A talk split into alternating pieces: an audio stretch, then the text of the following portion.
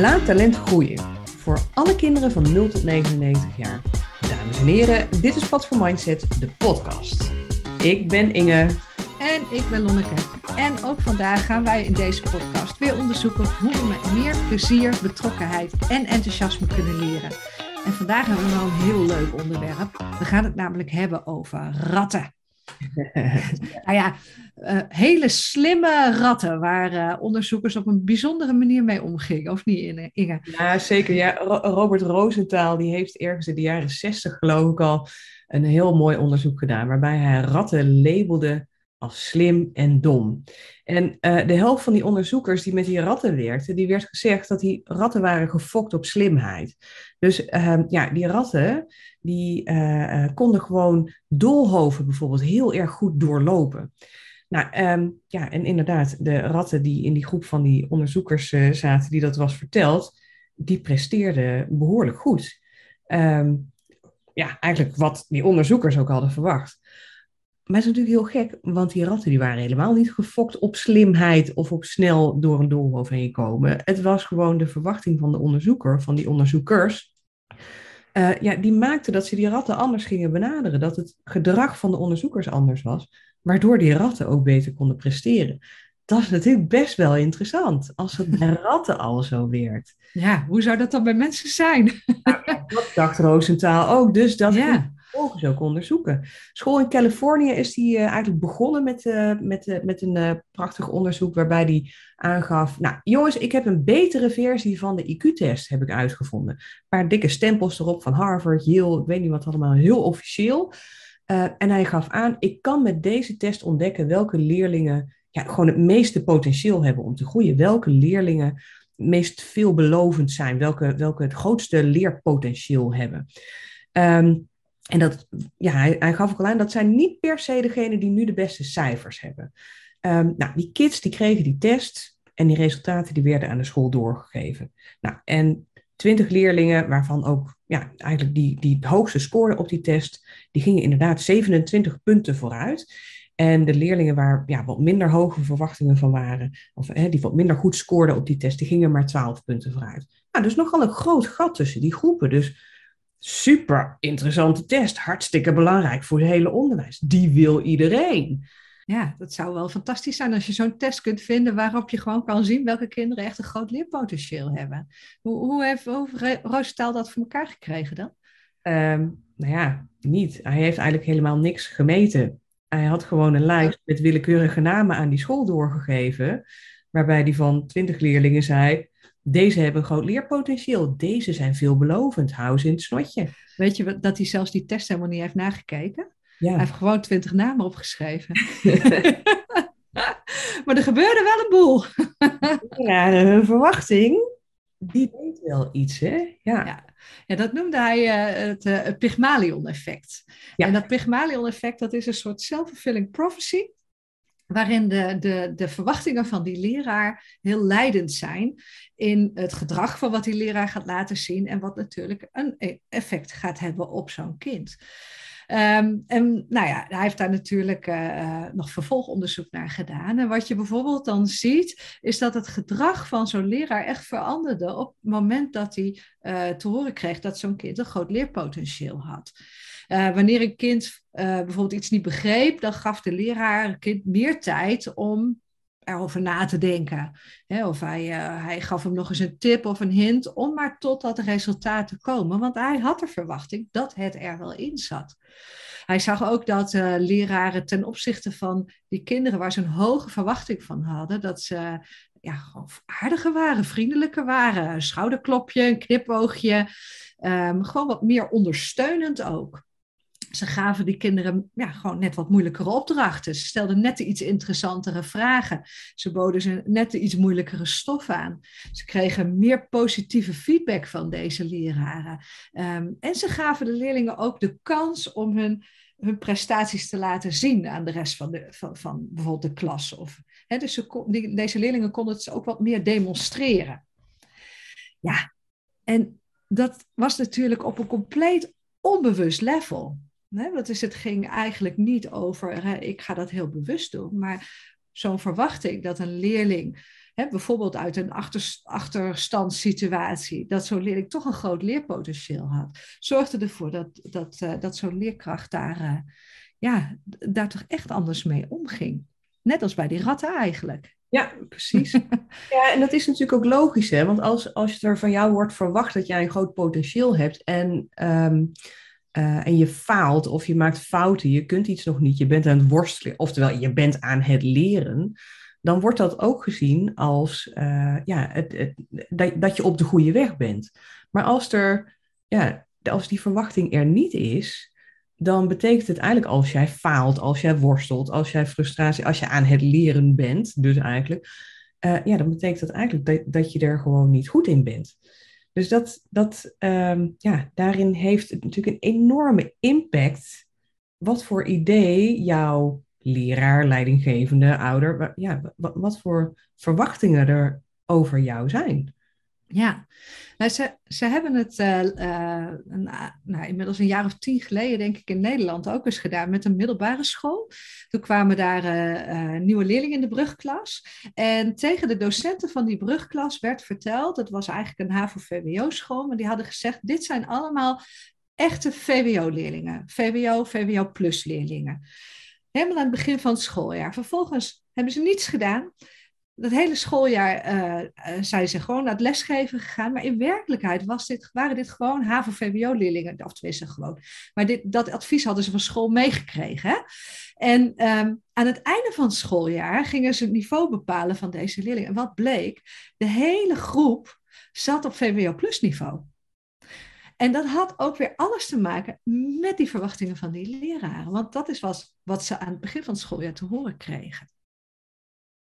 Nou ja, nou, nou, zou je bijna denken dat als er maar genoeg in je geloofd wordt door je leraren of door je ouders, dat, dat, dat je dan alles kunt bereiken wat je wil. Hè? en ik denk dat we een beetje moeten uitkijken dat het ook geen magie is. Dat iedereen alles zal kunnen bereiken. Dat we allemaal op VWO plus kunnen komen. Maar we weten wel dat het een enorme impact heeft um, als er hoge verwachtingen van je zijn. En uh, dat, we weten ook dat labels ons ontzettend kunnen beperken. Ja, door, door die hoge verwachting mag je ook die dingen doen die je helpen om te groeien. En dat is natuurlijk eigenlijk op alle vlakken. Hè? Dus dat is natuurlijk in de sport en dat is, dat is ja, overal. Als je kijkt naar voetbal, um, ja, hoeveel meisjes denken wel niet, uh, de, de, de, voetbal is voor jongens. Dat zien we ook nog steeds wel aardig om ons heen. Gelukkig komt er alweer wat meer uh, verandering in. Maar dat is jarenlang is het een mannensport geweest, waardoor vrouwen er ook nooit aan begonnen.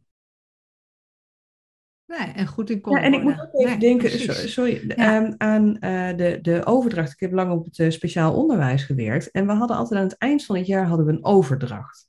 Waarin we alvast de leerlingen gingen bespreken die we volgend jaar in de klas zouden krijgen. Dus dat werd gedaan met de leerkracht die ze al een jaar in de klas had gehad. Nou, er kwam er een dossier op tafel. En er werden er heel vaak werden er allerlei labels besproken. Nou, en hier moet je op letten, daar, daar moet je een beetje voorzichtig mee zijn. Nou ja, en toen, daar komen vaak ook best wel uh, pittige verhalen naar boven. Um, ja, en, en vaak denken we dus al na zo'n gesprek dat we weten uh, wie dat kind is en waar we rekening mee moeten houden, wat ze kunnen. En dat beïnvloedt ons natuurlijk enorm. Ik denk dat het, vaak denken we dat we het allemaal al weten voordat we het kind überhaupt leren kennen. En ik denk dat we daar wel een beetje mee uit moeten kijken als je naar dat Pygmalion-effect kijkt. Dat we daardoor die hoge verwachtingen um, ja, soms ook wel een beetje vergeten. Nou, dat, ze hebben daar ook wel onderzoek naar gedaan. Hè? En, uh, zo'n overdracht, eh, op het, op het moment dat zo'n leerling binnenkomt, dan gaan we, uh, hebben we natuurlijk bepaalde vooroordelen over zo'n leerling. Dat op, een, op een onbewust niveau, daar denken we helemaal niet over na. Maar we zijn wel voor ingenomen over een bepaalde leerling. Hè? Dan krijg je het broertje van die en die in de klas. Nou ja, on, onbewust gaan we daar toch bepaalde dingen op projecteren. Wat, wat Roosentaal, of in de ik weet niet of Roosentaal het onderzocht of, uh, of uh, in een vervolgstudie, kwamen ze er wel achter dat wij als leraren wel in staat zijn om na verloop van tijd ja. ons beeld bij te schaven. Bij het grootste deel van de leerlingen. Dus er is echter wel een. Uh, er zijn eigenlijk twee groepen leerlingen waarbij uh, nou, die onderzoeken echt heel duidelijk aangeven dat het heel belangrijk is om bewust te zijn van, uh, van, dit Pygmalion-effect. En dat is met name de, de kinderen van bijvoorbeeld laag opgeleide ouders, kinderen met een anderstalige achtergrond. We zijn ja, toch gauw geneigd om bij die leerlingen wat lagere verwachtingen te hebben. En uh, een andere groep waar dat uh, duidelijk bij speelt, is zo'n, ja, jij noemde dat al, uh, zijn die kinderen die op de een of andere manier een label hebben. Hè? Dyslexie, hoogbegaafd, ADHD, autisme, dat soort labels die labels die geven ook verwachtingen. Op het moment dat jij in een dossier leest van een kind van dit kind heeft ADHD, dan ga je je een beeld vormen op basis van de ervaringen die je hebt, op wat jij gelezen hebt over, over uh, het label ADHD. En, um, ja, en dat schept bij jou bepaalde verwachtingen. En ik denk dat het dan heel belangrijk is dat je je realiseert dat die verwachtingen die jij daarvan hebt, onbewust, dat die dus ook invloed gaan hebben op het gedrag van die leerling. Ja, en dit is natuurlijk wat we de afgelopen twee podcasts ook wel veel hebben besproken, hè, dat die labels zo beperkend kunnen werken. En nou, een mooi voorbeeld is denk ik wel dat zo'n meisje, uh, um, ja, ik, ik hoorde hier laatst over een meisje die uh, had best wel veel moeite met lezen, kreeg uh, vervolgens diagnose dyslexie.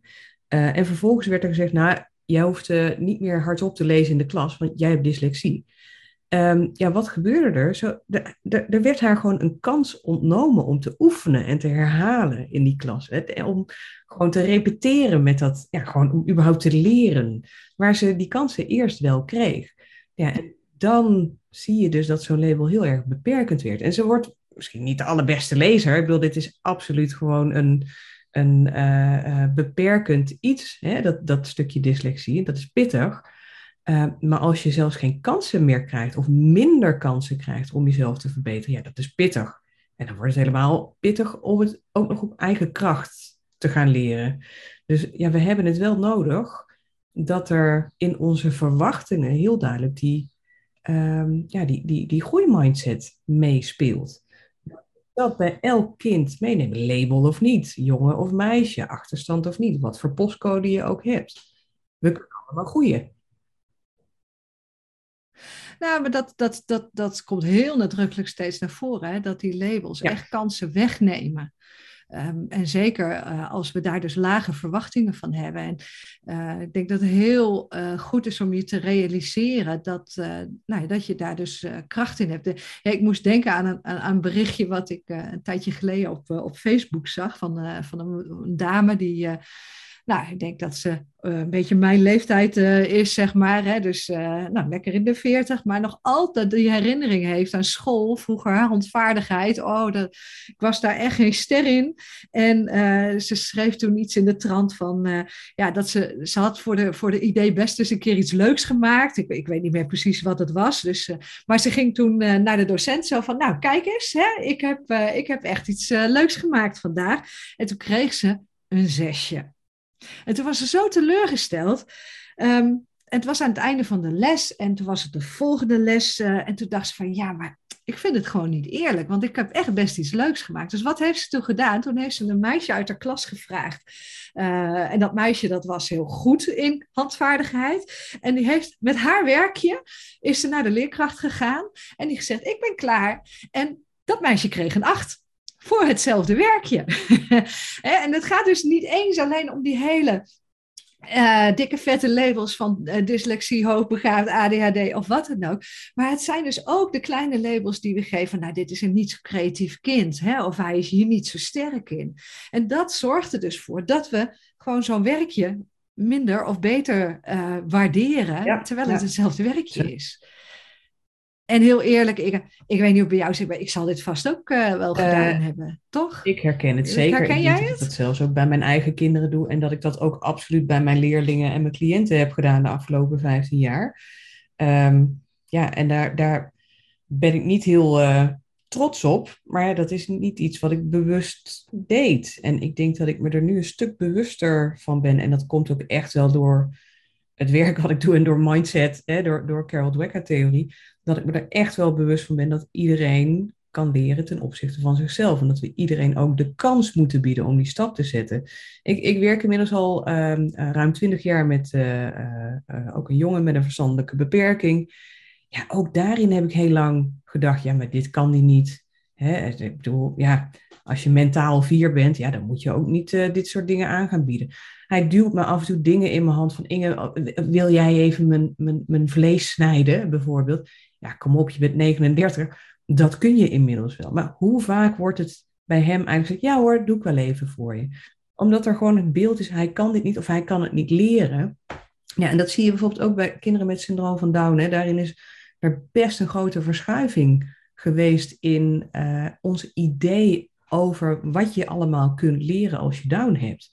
Die begeleiding van mensen die dit syndroom hebben, die is echt heel veel meer gericht nu op autonomie, op, uh, um, uh, op zelfstandigheid. Uh, nou, dat is natuurlijk autonomie. Op autonomie, relatie, op, op autonomie en competentie. Waardoor we ook zien dat mensen met syndroom van Down vaak veel meer kunnen leren dan dat we vroeger dachten. We dachten, ja, die, dan, dan kun je niks. Dus we boden ze ook niet aan. Niks aan. En ze konden inderdaad vervolgens ook niks, want ze lieten Nee, precies. En maar je ziet op heel veel vakken, vlakken. Hè. Ik, ik, bijvoorbeeld mijn schoonmoeder zit nu in een verzorgingshuis. En ook daar speelt dit natuurlijk hetzelfde. Van hebben we het idee, hè, mijn, mijn schoonmoeder vindt het heerlijk om te helpen in de huishouding. Um, en dan vind ik het zo tof dat ze gewoon de vloer mag dweilen daar. Um, ja, we kunnen ook zeggen van ja, maar dat kun je niet meer. Nee, nou, maar ja, wel dus. Ze kan, het, ze kan dat echt wel. Ik denk ook dat je, daar zie je ook wel die verschuiving steeds meer gebeuren. dat mensen daar uh, ja, eh, toch gaan realiseren van ja, misschien klopt dat wel helemaal niet hoe, hoe ik daarover denk. En ik denk ook dat we allemaal, we doen we doen dat niet met opzet. Hè? Ik bedoel, als, als we het nou over de klas hebben, geen leraar die denkt uh, als hij s morgens opstaat van nou, ik ga eens even een potje lage verwachtingen hebben voor mijn kinderen in de klas. Zo, zo werkt het helemaal niet. Maar um, het is wel heel belangrijk om, om, om bewust te worden van de mogelijke vooroordelen die je hebt, de vooringenomenheid over bepaalde leerlingen. En um, dat je je realiseert van hè, hoe stel ik me nou op tegenover mijn leerlingen? Over, hoe denk ik over bepaalde vakken waar ik, uh, die ik geef? Of over mijn eigen kinderen, van wat verwacht ik thuis eigenlijk van ze? Denk ik dat ze dit nog allemaal niet kunnen? Of ja, dus ja, ik denk dat er echt wel een, een, een sleutel zit in toch ja, elke dag weer met een nieuwe blik uh, naar, die, naar die kinderen te proberen te kijken. Los van hun achtergrond, los, los van hun afkomst, los van hun labels. En um, ja, ik, ik, ik moest denken aan het, uh, aan het zinnetje: resultaten uit het verleden bieden geen garantie voor de toekomst. Maar dan in de positieve zin. ik, denk, ik denk dat we die ochtends uh, al even in de spiegel. Uh... ja, precies, ja. ja. Nou ja, en, en dan is natuurlijk ook de, vraag. Nou, wat mij bijvoorbeeld wel eens gebeurd is, is dat ik in de klas zat en dat er dan een leerling iets zei dat je denkt van, oh, hey, dat, dat, is, dat is knap van je. Of hé, uh, hey, dat had ik niet achter jou gezocht. Hè? En uh, uh, dat zijn eigenlijk de, de meest interessante momenten voor jezelf. Om dan inderdaad in die spiegel nog eens te kijken. Zeg, waarom had ik dit eigenlijk niet verwacht van deze leerling? Wat, wat zegt dat over mijn ideeën, over mijn verwachtingen over deze leerling? Ik denk dat dat, uh, dat, dat echt wel een hele mooie is. Um, en ook werkt dat natuurlijk andersom. Hè? Op het moment dat de dingen niet lukken, waarvan je dat wel verwacht had. Dan ja, we zijn natuurlijk als mensen ook altijd wel op zoek naar een soort van bevestiging hè, over het beeld wat we hebben van iets of iemand. Dat is onze confirmation bias. We willen wel graag continu bevestigen dat wat we weten en wat we zien, dat dat ook gewoon daadwerkelijk zo is. Um, ja, en daar, daarom is het ook zo belangrijk dat we ons bewust worden van die mindsets, van onze eigen overtuigingen over hè, of iemand gewoon is zoals die is, of dat je jezelf kunt ontwikkelen ten opzichte van waar je nu staat. Um, kijk, en die groeimindset is daarin wel een overtuiging die gewoon in elke vorm van onderwijs, of dat nou echt op school of in de zorg of in het bedrijfsleven, waar dan ook, of gewoon het leven is, die mindset is daarin de basis. Ben je ervan bewust dat iedereen kan groeien? Dat neem je mee in je gedrag, dat neem je mee in je hele benadering naar de ander. En daarmee geef je de kans of Hè, daarmee geef je ook de kansen om überhaupt te kunnen groeien. Dus laat jezelf daarin ook bevestigen. Ga op zoek naar bewijs dat de ander ook daadwerkelijk die stappen kan zetten. Ik denk dat dat ook uh, wel, wel een belangrijke focus is in dat onderwerp. Zie je, hij is weer een stapje weer. Zie je, ze heeft het wel voor elkaar gekregen. Nou ja, en laat jezelf inderdaad af en toe ongelijk bewijzen als je denkt dat iemand het niet kan. Of niet kan leren. En ik zit ook te denken, het heeft natuurlijk ook een ongelooflijk effect op het zelfbeeld van deze leerlingen. Het is niet alleen maar dat hun prestaties omhoog gaan, maar je ziet ook, ook in al die onderzoeken, uh, dat uh, waar kinderen uh, hogere verwachtingen ervaren, dat ze hun zelfbeeld groeit, dat ze zich lekkerder in hun vel voelen zitten. Dat, dat, dat gevoelsmatig ook een heleboel verandert. hun zelfvertrouwen groeit. Uh, nou, ik denk ook dat de ontwikkeling van die groeimindset ook een belangrijk aspect daarin is. Nou jij noemt dat al uh, vanuit de leerkracht, maar ik denk ook dat dat werkt zo voor leerlingen zelf. Ja, dat denk ik ook. En nou ja, hoe, hoe krijg je dat dan voor elkaar? Hè? Dat, dat die ander daar, ja, hoe, hoe zorg je ervoor dat je jouw overtuigingen, dat je die ook ja, een beetje bij jezelf onder de loep blijft nemen en dat je die misschien ook wat bewuster ja, positief stuurt. Daar, daarin heeft Rosenthal, die heeft eigenlijk vier verschillende uh, gebieden in. Hè? Dat Pygmalion zou je in vier delen kunnen opsplitten. En, en, en voordat we die gaan noemen, Inge, want dat vind ik ook weer zo interessant, dat dat precies vier gebieden zijn die wij ook altijd in onze trainingen noemen als we het hebben over ontwikkeling van die groeimindset. Dus daarin zie je weer hoe ongelooflijk veel raakvlakken deze uh, dingen met elkaar hebben. Oh, oh, je overtuiging doorgeven aan de ander, dat, ja, dat, dat, dat is iets wat in het Pygmalion-effect kun je die groeimindset doorgeven. Het is gewoon zo nauw met elkaar verbonden. Ja, en dan denk ik dat hè, we, we, zoeken het dan heel vaak al in, uh, in, de, in de dingen die we doen, uh, in, de, in de, de keuzes die we maken. Maar ik denk dat het voor het grootste deel dat het op een, op een non-verbaal uh, hoe heet dat, onbewust vlak zitten eigenlijk. Hè? Van, van, wij noemen dat dan altijd het groeiklimaat binnen school. Wel, welk klimaat ja. uh, bied je aan? Wat, wat, hoe creëer je dat? Welke, uh, wat, wat straal je uit? Ja, welke signalen krijg je en welke signalen geef je? Dat klimaat of die cultuur, dat is iets wat heel erg onderhuids vaak gebeurt en wat, wat niet uitgeschreven ergens staat. Jij vertelde mij daar laatst zo'n mooi uh, onderzoekje over. Ja, van die, die, die leerlingen die, uh, die filmpjes uh, gingen bekijken. Ja, nou, oké, okay, ja, ook even voor de luisteraars ja. misschien handig. Ja, dat is echt heel interessant. Waarbij er aan ja. kinderen werd gevraagd om naar een filmpje te kijken. En in dat filmpje was een leraar met een leerling in gesprek. En aan de kijkers, aan die kinderen werd gevraagd: heeft deze leraar hoge verwachtingen of lage verwachtingen van het kind waar het mee aan het praten is. Nou, die kinderen die aan het kijken waren, die konden daar behoorlijk um, nou, goed in inschatten of er hoge of lage verwachtingen in het spel waren. En het bijzondere is dat zij het eigenlijk beter gingen inschatten als het geluid werd weggedraaid. Dus door puur te kijken naar die non-verbale communicatie, konden ze nog beter inschatten of er sprake was van hoge verwachtingen of lage verwachtingen. Dus die non-verbale communicatie, um, de hele manier van doen, kijken, ja, daar zijn we super gevoelig voor. En dat, dat kun je ook niet neppen. Dat kun, je, dat, dat kun je niet faken. Als jij echt het idee hebt van ja, maar dit is, dit is er een van Jansen en dat wordt niks, dan kun je heel fijn een training volgen over groeimindset en uh, met Pygmalion aan de slag. Maar is dat echt jouw kernovertuiging, dit wordt niks? Ja, dan gaat die van Jansen, die gaat, die gaat die signalen bij jou oppikken. Want dat klimaat, ja, dat, die non-verbale zaken, daar is ons brein zo uh, opgespitst. Is daar zo gevoelig voor. Ja. Ja. ja, dus ik denk ook dat dat uh, echt wel een van de belangrijkste dingen is als je, als je kijkt naar wat Roosendaal zo uh, allemaal hierover heeft geschreven. Dat je je eigenlijk probeert zoveel mogelijk bewust te gaan worden van dit onbewuste stuk eigenlijk. En ook echt je overtuiging eerlijk onder de, onder de loep neemt. Van in welk hokje plaats ik dit kind? En ja, probeer ik het daarin te houden of mag het daar ook uitkomen? ja.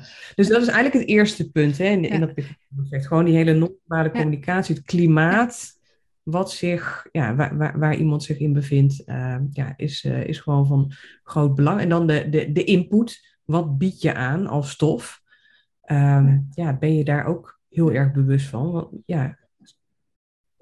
Leerkuilen. Ja, nou ja en ook daadwerkelijk leerkuilen voor dat kind en niet voor de middenmoot. Ik, ik, ik uh, kreeg laatst eigenlijk zelfs van iemand die mij nastaat, kreeg ik te horen van, ja, ze heeft nu een tweetje gescoord, maar ik weet niet of ze daar wel in blijft zitten, want dat vind ik wel heel hoog.